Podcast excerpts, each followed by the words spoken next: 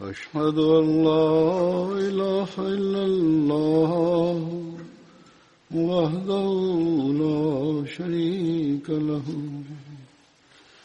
وأشهد أن محمدا عبده ورسوله أما بعد فأعوذ بالله من الشيطان الرجيم بسم الله الرحمن الرحيم الحمد لله رب العالمين الرحمن الرحيم مالك يوم الدين إياك نعبد وإياك نستعين اهدنا الصراط المستقيم صراط الذين أنعمت عليهم غير المغضوب عليهم ولا الضالين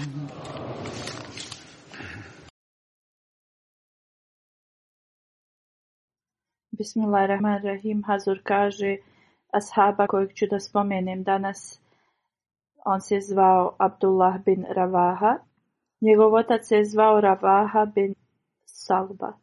Kapša bin Tvakit bin Amr je bila njegova majka koja je pripadala Benu Haris, ogranku Hazrađ plemena koje je bilo ensarijsko. Hazrat Abdullah bin Ravaha je učestvovao u Bejatu zaklitvi na Akvi. On je bio vođa Benu Haris bin Hazrić. Njegova titula je bila Ebu Muhammed, a neki govore da je Ebu Ravaha ili Ebu Amer. Jedan Ansarija prenosi da je časni poslanik sallallahu alaihi veselem uspostavio bratstvo između Abdullah bin Ravaha i, i između Hazreti Migrada. Prema Ibni Isadu on je bio jedan od onih koji je pisao Kur'an.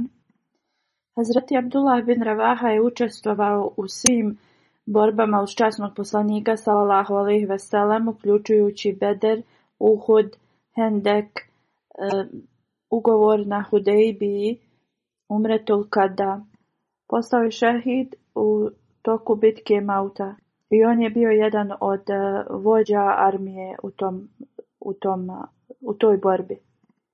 Prenosi se jednom da je Abdullah bin Ravaha išao prema džamiji časnog poslanika sallallahu alejhi ve tada je e, poslanik sallallahu alejhi rekao sjednite i on je još e, on nije bio ušao u džamiju, on je odma sjeo kad je čuo e, to naređenje od poslanika sallallahu alejhi Kada je poslanik sallallahu alejhi ve završio svoju hudbu i saznao u vezi ovoga, rekao je neka te Allah poveća u tvojoj poslušnosti prema Allahu i njegovom poslaniku sallallahu alejhi ve sellem.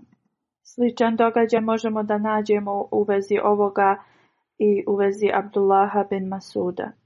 Hazur kaže, ja sam već spomenuo taj događaj u vezi njega kada sam govorio e, na, na hudbi u vezi njega. Događaj u vezi njega je sličan kada je poslanik sallallahu ve rekao sjednite, on je bio ispred vrata i sjeo je i onda se je tako pomalo pomicao dok je ušao u džamiju. Hazreti Abdullah bin Ravaha je uvijek bio prvi kad je god se išlo bilo gdje na, u borbu ili na putovanja, a vraćao se zadnji. Hazreti Abu Darda prenosi Utječem se Allahu od dana kada zaboravim da se sjetim Abdullaha bin Ravaha. Kada bi mi prilazio stavljao bi ruku svoju na moja prsa to jeste kad bi se god sreli tako bi ga dočekao i to je bila svakodnevnica. Način njegovog ponašanja je vrijedan spominjanja. Hazreti Ebu Darda dalje govori kada mi je prilazio uvijek, uvijek bi stavljao svoju ruku na moja prsa, a kada bi se rastajali stavljao bi svoju ruku na, između mojih ramena i onda bi mi govorio o Wainwright, dođi sjedi sa mnom da malo osvježimo našu vjeru. I onda bi sjeli i sjećali bi se uzvišenog Allaha dokle god bi on tako želio. Onda bi Abdullah bin Ravaha rekao, o Uejmir, ovo su sastanci gdje osoba govori o svojoj vjeri. Spominje se u kitabu Zuhud, knjiga od e, imama Ahmeda, kad bi Abdullah bin Ravaha se sastajao sa jednim od svojih drugova, dođi da osvježimo našu vjeru, našu vjeru u našeg gospodara. U istoj knjizi se spominje da je poslanik sallallahu alejhi ve sellem rekao: "Neka Allah spusti svoju milost na Abdullaha bin Ravaha.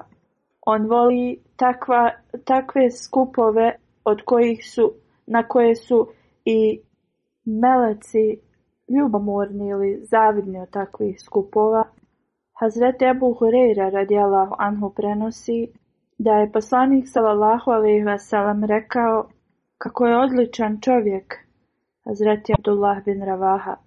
Poslije bitke na Hajberu poslanik sallallahu ve sellem ga je poslao da napravi izvještaj u vezi voća i imovine tu.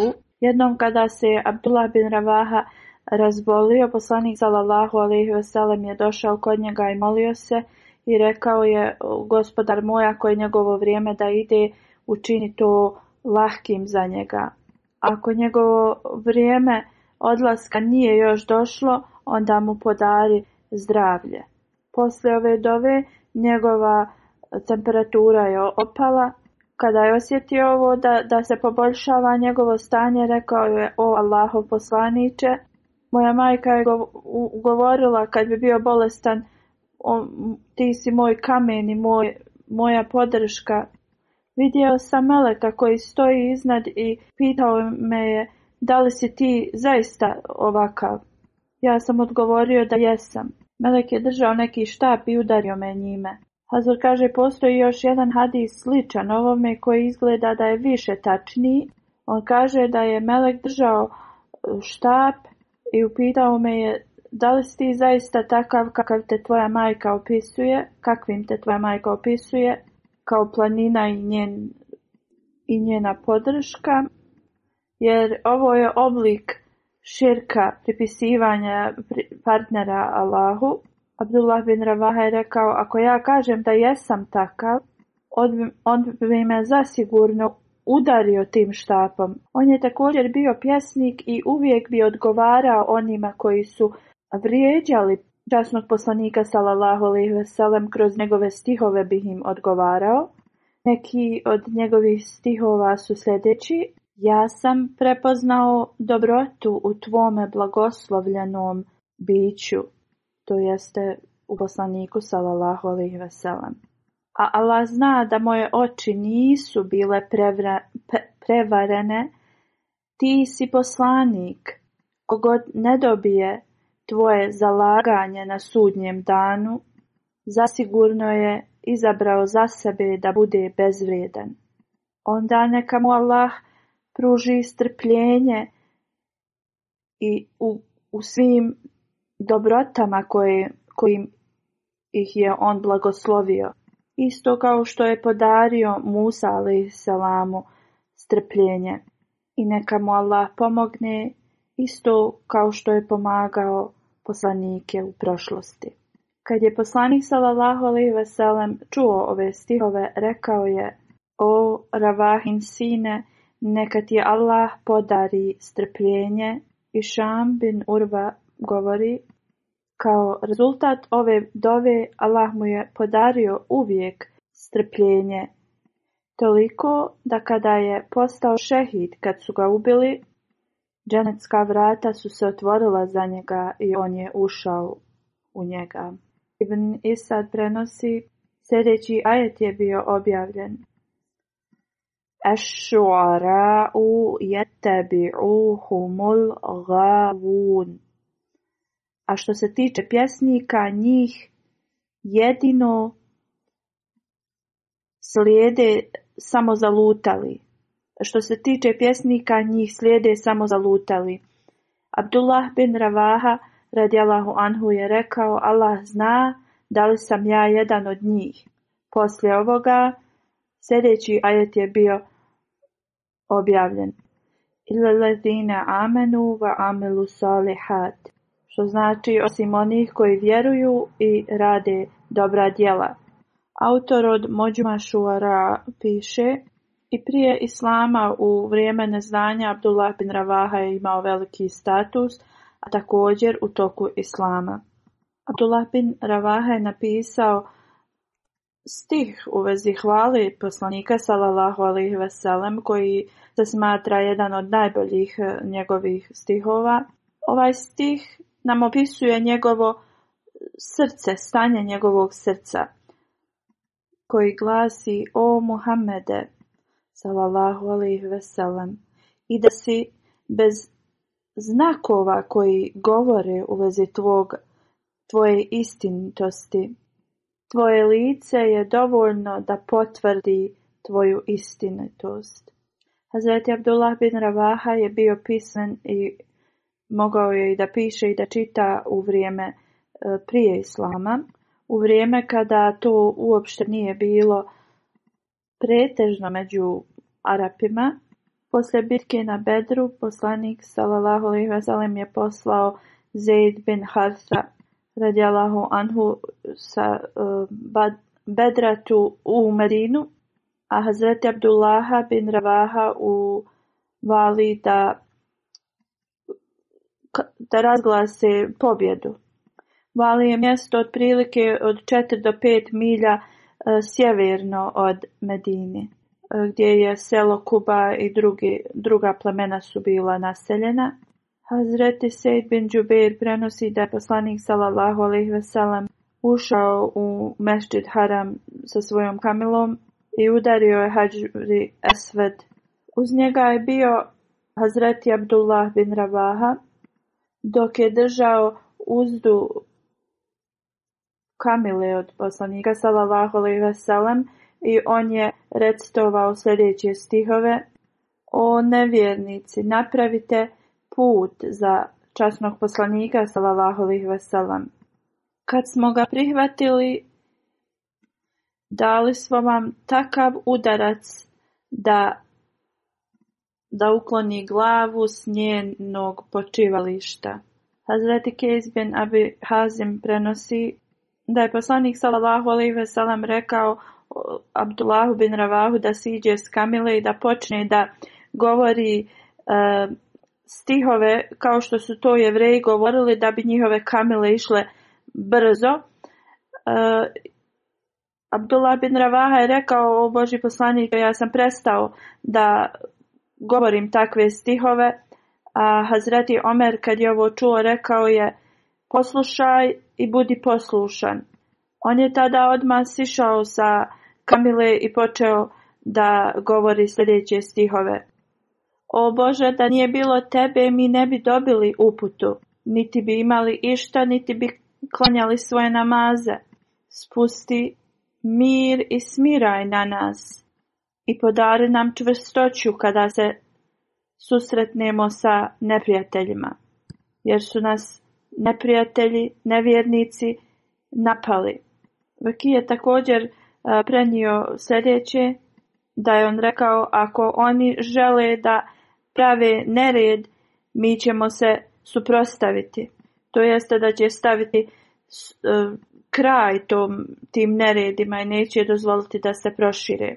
Prenosioć tada govori da je poslanik sallallahu alejhi ve rekao: Allahu moj, imaj milosti na njima i onda je Hazreti Omer radijalahu anhu rekao, naređeno je.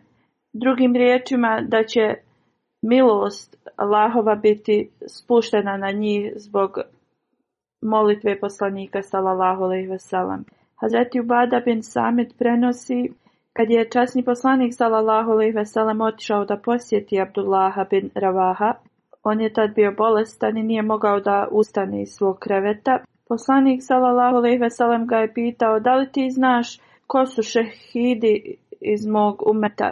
Oni su rekli: "Šehidi su oni ljudi koji budu ubijeni." Poslanik je rekao: "U tom slučaju bilo bi samo nekoliko šehida u, u, iz mog umeta."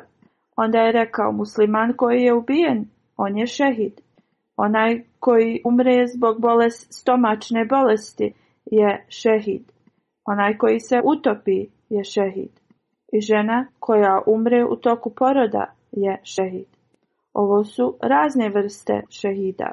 Hazreti Urva bin Zaid prenosi da je poslani sallallahu alejhi ve postavio Abdullaha bin Ravaha kao e, vođu vojske u toku bitke Mauta i rekao je ako Hazreti Zaid bude pogine da će Džafer bin Abu Talib biti sljedeći vođa. Ako i on pogine, onda Abdullah bin Ravaha će da bude vođa. Ako i on pogine, onda muslimani trebaju da izaberu za vođu koga god oni žele. Kada su bili spremni da krenu, ljudi su došli da isprate i ispraćali su i ove komadante koje je poslanik Zalalahu Alih Veselam postavio i kada su došli da, se, da, da isprate Abdullaha bin Ravaha, on je počeo da plače. Ljudi su ga pitali zašto on plače i on je odgovorio, tako mi Allaha, ja nemam nikakve želje ni žudnje za ovim svijetom. Kako god, čuo sam časnog poslanika salallahu alaihi veselam kad je govorio u vezi ajeta Wa im minkum illa Duha kana ala rabbike hataman I nema nijednog od vas silnika koji neće doći do nje, to je, obavez... to je obavezujuće odredba gospodara tvoga. On je rekao, ja ne znam koje je moje stanje. Zbog toga što se vatra spominjala u ovom um, ajetu, on je bio zabrinut gdje u drugim ajetima se kaže kad, kad se govori ovako osim vjernika da, da ih neće vatra dotaći. I oni koji odu u džihad na lahovom putu. Ljudi su mu rekli da uzvišenje Allah će da bude uz njega i da će ga vratiti njima. U Tasiri Sagir se E, zapisano je da ovo se neće desiti vjernicima, da je u tom ajetu samo za nevjernike, to je bio opis. Obećani Mesija Ali vam je ovo objasnio dalje uz, e, kroz e, hadise. U samrju u Tafsiru kaže se da se spominju dvije vrste džehenama. Jedan džehennem možemo doživjeti u ovom životu, a drugi na, na budućem svijetu. Gdje se spominje da svi će ući u džehennem, to, to ne znači za vjernike. Radije to znači da vjernici nekad osjete neke aspekte džehennema na ovom svijetu, to jeste nevjernici im uradi razne poteškoće i patnje. U drugom smislu jasno u Koranu stoji da vjernici neće nikada ući u džehennem. Jer u časnom Koranu u vezi vjernika Koran govori da će vjernici ostati toliko daleko od džehennema da neće čuti ni najmanji zvuk iz njega. Onda značenje da, da će vjernici e, osjetiti džehennem to je u nekom obliku na ovom svijetu. Časni poslanik sallallahu alejhi ve je rekao i da je temperatura kad je osoba bolesna e, vrsta džehennemske vatre. To jest rekao je temperatura je dio vatre za svakog džehennemske vatre za svakog vjernika. Ovo je kratko objašnjenje ovog Vjernici su ispratili tu armiju i molili su se da ih Allah sačuva od nevjernika. Hazreti Abdullah bin Ravaha je e, recitovao sljedeće stihove. Tražim oprost od milostivog Allaha i tražim njegovu pomoć da moj mač bude uspješan u borbi i uspjeh da možemo da se odbranimo od strijela nevjernika koji su žedni naše krvi, čije strijele probadaju jetre i, i crijeva i da nastavim da se borim hrabro do moje smrti i kada ljudi prođu pored mog mezara da kažu o ti koji si učestvovao na Allahovom putu i u borbi neka ti Allah podari dobro i Allah zaista će to da uradi. Onda je Hazreti Abdullah bin Ravah, Ravaha došao kod poslanika sallallahu alejhi i onda je poslanik poslao tu armiju. Oni su putovali do mjesta Ma'an, to je grad u Siriji. Tu su saznali da je, da je Herkules sa Rimljanima i drugim Arapima bio spreman sa stotinama hiljada vojske. Osman su tu ostali dva dana i oni su diskutovali da li da pošalju nekoga poslaniku alaihi veselam da ga obavijeste u vezi e, broja te armije, veličine njihove, da su neprijatelji bili u, ogromnom broju. Oni su mislili da će poslanik alaihi veselam da im pošalje još e, vojske ili da promijeni e, svoju naredbu. Kako god, Hazreti Abdullah bin Ravaha je dao neku snagu toj vojsci i svojim govorom ih, ih je ohrabrio. I iako ih je samo bilo 3000, muslimani su krenuli prema toj ogromnoj armiji, rimljanskoj armiji. Otale su muslimani krenuli prema e, mjestu Malta, Hazreti Enes prenosi da, da je poslanik sallallahu ve rekao ljudima u vezi smrti Hazreti Zejda, Džafera i Abdullaha radijallahu anhu. I ovo je bilo kada je naglasio prije bilo kojih izvještaja koji su došli od njih. Poslanik sallallahu alejhi ve je rekao ovo ljudima prije nego što je dobio ikakve vijesti od vojske, poslanik sallallahu alejhi ve je rekao: Zeid je držao zastavu i postao je šehid. Onda je Džafer uzeo zastavu i postao je i on šehid. Onda je Abdullah bin Ravaha uzeo zastavu i on je također postao šehid. Kada je ovo govorio časni poslanik, suze su mu tekle niz lice Onda je poslanik sallallahu alejhi ve sellem rekao: "Zastavu je uzeo jedan Allahov mač i Allah im je podario pobjedu kroz njega."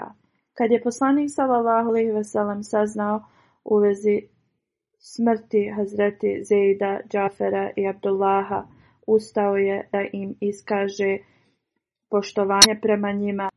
Ustao je i rekao je Allahu makfirli Zeidin, li Zaidin, لزيد اللهم li Zaydin.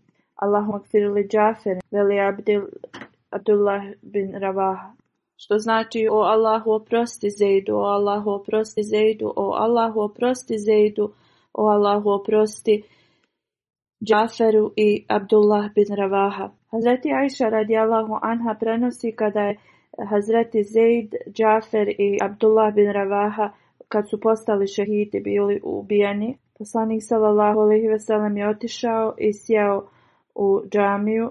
Emocije tuge i žalosti su bile vidljive na njegovom licu. Hazreti Muslim Maud radijalahu anhu je objasnio borbu Mauta na sljedeći način. Ovo sam već govorio kada sam govorio o Hazreti Zeidu. Kako god želim da spomenem ukratko ponovo. Hazreti Muslim Maud radijalahu anhu govori prije bitke poslanik sallallahu alejhi ve sellem je postavio Zejda za vođu vojske i onda je rekao ko je on ubijen e, Džafer će da bude vođa, pa onda Abdullah bin Ravaha. Kada je ovo rekao, jedan je jevri sjedio u tom društvu i rekao je poslaniku sallallahu alejhi ve iako ja ne vjerujem u tebe, ali ako si istiniti poslanik, nijedan od njih se neće vratiti. Jer šta god poslanik izgovori, to će pravi poslanik, to će se zaista ispuniti. Onda je taj jevrej otišao kod zreti Zejda i rekao, ako je tvoj poslanik istiniti, ti se nećeš vratiti. Zejd mu je rekao, da li se ja vratio ili ne, Allah to zna, ali to ne mijenja da je naš poslanik sallallahu alejhi ve istiniti. Iako nije vjerovao u poslanika sallallahu alejhi ve ovaj jevrej je znao da će se ispuniti njegove riječi ali ovo je tako ponašanje onih koji ne žele da prihvate istinu. Allahova mudrost Hazret Muslima kaže je bila u tome da ovo e, se sve ispuni što je poslanik sallallahu ve rekao. I desilo se tako da sve trojca nisu postali šehidi i u to vrijeme armija se mogla da, da razaspe i da, da muslimanska, ali tada je Halid bin Velid uzeo zastavu i Allah je dao pobjedu muslimanima kroz njega i vratio je armi, armiju bezbjednu nazad. Hazur kaže i ovaj događaj koji ću sada spomenem, već sam to rekao u ranijim hudbama, ali pošto pokazuje toliku ljubav i odanost Abdullaha bin Ravaha prema poslaniku sallallahu alejhi ve ukratko ću da ga spomenem. Hazreti Urva prenosi da je Hazreti Usama bin Zaid mu rekao da je jednom poslanik sallallahu alejhi veselam, sellem je na magarcu. Sjedalo je bilo na magarcu, a ispod je bila neka deka i poslanik sallallahu alejhi ve je stavio i Hazreti sama s njim. I oni su išli prema Benu Hares plemenu da pitaju u vezi zdravlja od Hazreti Sada Benu Bada. On je bio tad bolestan. Ovo se desilo prije bitke na Bedru i dok su tuda putovali prošli su kraj e, nekog skupa gdje su bili neki musulmani, jevreji i idolopoklonici e, sjedili su. Abdullah bin Ubej i Abdullah bin Rabaha su bili prisutni tu. Dok je tuda poslanik sallallahu alejhi selam prolazio, prašina je pala na njih zbog e, dok su oni prolazili s magarcem. E, Abdullah bin Ubej je rekao nemoj da prašinu dižeš na nas. Poslanik im je nazvao selam Zastao je tu i sišao iz tog magarca. Onda je poslanik sallallahu alejhi ve pozvao islam, učio im je Kur'an. Abdullah bin Ube je rekao, ovo nije u redu, iako je ovo istina što ti govoriš, ne trebaš da dolaziš na naše sastanke i da nas uznemiravaš. Radije idi odakle si došao i pričaj to onima koji dođu u tebi. Kad je čuo ovo, Abdullah bin Ravaha je odmah rekao, o Allahov poslaniče, trebaš da dolaziš na naše sastanke i da nam govoriš o ovome jer mi uživamo u tome. On se nije bojao nikoga ovo da kaže i tada je, su počeli da se svađaju. U svakom slučaju on je pokazao svoj karakter i ljubav prema poslaniku tada. Hazreti Ibn Abbas radijalahu anhu prenosi da je jednom poslanik sallallahu alejhi ve poslao svoja ashab na ekspediciju i Abdullah bin Ravaha je bio jedan od njih. Bio je petak i ostali su otišli već. Kako god Abdullah bin Ravaha je rekao da će ostati iza klanjaće će džumu iza poslanika sallallahu alejhi ve i da će im se onda pridružiti. Kad je poslanik sallallahu alejhi ugleda Abdullah bin Ravaha da klanja tu u džami, Pitao je šta te zaustavilo da ne odeš sa svojim drugovima. On je rekao, imao sam želju da klanjam džumu iza tebe i onda da im se pridružim. Poslanik mu je rekao i da potrošiš svo blago ovog svijeta, nećeš zaraditi blagoslove kao od onih koji su već otišli. Poslanik sallallahu i je rekao ta delegacija koju je on poslao da je bila u to vrijeme više značajnija nego onda ostane da klanja džumu i zaposlanik. I oni su mogli da klanjaju džumu dok su putovali. Hazreti Abu Darda radijalahu e, prenosi da jednom Hazreti Abdullah bin Ravaha otišao s poslanikom sallallahu alejhi ve i taj vrijeme tog dana je bilo toliko vruće, bio je mjesec Ramazan. On kaže da je toliko bilo vruće da su svi pokrivali svoju glavu svojim rukama i kaže da taj dan niko nije postio osim poslanika sallallahu alejhi ve sellem i Abdullaha bin Ravah. Hazreti Mirza Bashir Ahmed Sahib piše da kada su pres, preselili iz Mekke u Medinu, mjesto gdje je poslanikova kamila stala je bilo uh, imovina od dvojice dječaka, Sahel i Suheil. Hazreti Asad bin Zarara je bio njihov staratelj ovo je bilo prazno mjesto gdje je samo nekoliko e, stabala hurmi bilo i nekih ruševina na, na, na mjestu. Poslanik sallallahu alejhi ve sellem izabrao da tu napravi meščid Nabvi, poslanikovu džamiju i svoju kuću. Ovo mjesto su kupili za e, zemljište za 10 dinara, to je otprilike 90 rupija. Oni su izravnali to mjesto i počeli su da sa izgradnjom. Poslanik sallallahu alejhi ve sellem se molio uzvišenom Allahu i onda je stavio kamen temeljac. Isto kao što su izgradili um, džamiju u Kuba, posla, ashabi su bili ti koji su radili i časni poslanik sallallahu alejhi ve sellem bi im pomagao također dok su dizali kamenje ashabi su e, govorili stihove od, koje je napisao Abdullah bin Ravaha. Govorili su ovaj, ovaj teret nije teret od uh, hajber komercijalnog e, karavana kad donosi stvari koje životinje donose. je naš gospodaru ovo, ovo, je, ovo su poteškoće dobrih dijela koje mi nosimo radi tvog zadovoljstva. Također bi recitovali stih naš gospodaru, istinska nagrada je na Ahiretu, sa svojom milošću pošalji blagoslovena Ensarije i Muhađere. Kad bi ashabi recitovali ove stihove i poslanik salallahu hvalih veselem bi im se pridruživao ponekad. Poslije dugog vremena džamija je bila završena koji su bili komentari u vezi života Hazreti Abdullaha bin Ravaha. Sada želim da spomenem e, u vezi jedne osobe koja je preminula i klanjaću njegovu džanazu u odsustvu. Zbog toga sam sam govorio o jednom ashabu danas.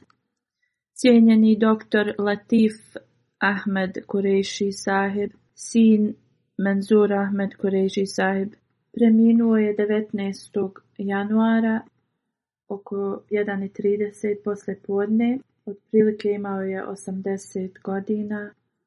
Allahu pripadamo i njemu se vraćamo. Uz Allahovu milost on je bio Musi. Rođen je u Indiji. 1937. njegov otac je uzeo bejat od Halifatul Mesih II. Njegova majka, cijenjena Mansura Bushra sahiba, koja je i dalje živa, je unuka od jednog od uh, ashaba obećanog Mesija Islama. Kad je Pakistan postao nezavisan, njegovi roditelji su se preselili u Lahor.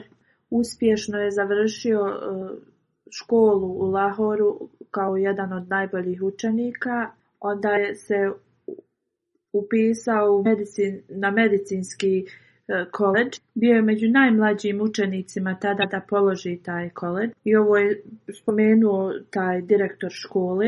1961. godine je otišao u e, odselio u Veliku Britaniju da nastavi svoje školovanje. Prvo je uradio diplomu za dobio diplomu za zdravstvo djece i onda još e, završio dobio još neku drugu diplomu Radio je u jednoj od e, bolnica gdje, koja je bila specijalizacija za e, srčane bolesnike. 1968. godine Halifatul Mesih III. ga je pitao kada, će da se, kada planira da se vrati u Pakistan. Doktor Saib je rekao kad god Hazur to naredi. Tada je Halifatul Mesih ga pitao da se vrati i on se je vratio u Pakistan. Bio je postavljen da služi u Fazli Umar e, bolnici u Rabvi i radio je tu dugo vrijeme. 1983. je bio je e, postavljen za e, glavnog u uh, Fazli Umar bolnici i tu je ostao do 1987. godine kada je radio je do svoje 60. godine u Fazli Umar. 20. augusta 1998. godine se penzionisao. Kako god te iste godine u septembru se vratio u Fazli Umar i nastavio je do 2000. da služi tu. Otprilike služio je 30 godina. Osim toga što je dao svoj život kao doktor Zindagi e, da služi, on je e, služio u raznim odborima u Hudamu Lahmedija, posle u Ansaru Lahmedija. Trenutno on je bio potpredsjednik za Ansarola organizaciju. Napisao je dvije knjige koje su bile posebno za one koji žive u Pakistanu i bilo je u vezi e, zdravog života. Hazur kaže, njegova supruga je preminula nekoliko dana prije. E, ja sam prošloj hudbe govorio u vezi nje. Preminuo je otprilike 15 dana poslije svoje supruge. Iza sebe ostavlja tri sina i dvije kćerke.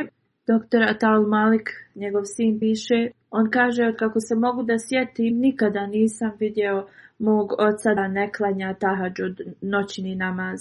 Naša majka nam je rekla da od prvih dana njihovog braka on je uvijek klanjao tahadžud. I ovo je nastavio preko 50 godina. U zadnjim danima života moje majke on se brinuo, brinuo puno o njoj. Vodio je u bolnicu i čekao je satima dok se njena dijaliza završi Unatoč svemu ovome on nikada nije propustio tahadžud noćni namaz. On kaže brinuo se toliko dobro za svoje pacijente, pogotovo one koji su bili siromašni, često bi on davao i plaćao za njihove terapije i uvijek bi nam govorio da je Allah onaj koji liječi. On ima troje djece koji su doktori i oni kažu da je on uvijek govorio da se oni prvo mole za svoje pacijente. On, njegov sin piše mnogo puta kada sam pitao mog oca da se moli za nekog pacijenta sljedeći dan, on bi nazvao i da upita za tog pacijenta i rekao bi da se on molio za njega. 1969. on je radio u Engleskoj i on je sve to napustio e, da se vrati i da služi u rabbi. On je imao potpunu vjeru da će uzvišeni Allah da podari njemu za sve duhovne potrebe, također ovo svjetske, i da će njegova djeca završiti dobre škole. Uzvišen je Allah mu je dao taliki blagoslov da nikada nije imao financijske probleme. I njegova djeca su također završili dobre škole. Mnoga njegova djeca žive u Americi, troje od njih su doktori. Doktor Kureši se brinuo za svoje roditelje i do zadnjeg svog dana on bi spremao hranu za svoju majku i br- brinuo se o njoj, kao što sam spomenuo da je njegova majka i dalje živa i ona živjela sa njim. Njegov sin piše da moj otac me je pripremio toliko dobro za test koji je on trebao da, da položi e, u Americi i on bi nas uvijek savjetovao svim stvarima. On je uvijek želio i savjetovao jedno, da se živi jednostavnim životom. Prije svake odluke on bi pisao pismo halifi za savjete i upute. Njegov drugi sin, dr. Ahmed Mahmud e, Koreši, piše Halifatul Mesih treći je rekao u vezi njega da on nije samo doktor, da on Praktikuje svoju profesiju, ali uz dove. On se moli za svakog svog pacijenta i prije nego što im da bilo kakav recept, uvijek napiše Rahim. I onda bi napisao da je Bog taj koji daje zdravlje. I uvijek bi savjetovao sve doktore da se mole za svoje pacijente. Jer samo uzvišen Allah ima moć da, da izliječi. On kaže, na dan kad je moja majka e, preminula, neki pacijent je došao, on je bio u autu kad je taj pacijent došao i izašao je, negdje je on morao da ide, ali je izašao, dao je tom pacijentu recept, pregledao ga je, često je kupovao lijekove za svoje pacijente. Njegova kćerka piše da je jednom neka žena nazvala da njen otac je imao srčani udar i da je sam kod kuće moj otac, dr. Kureši, otišao kod tog čovjeka, pregledao ga je i bio je s njim sve dok njegova djeca nisu stigla.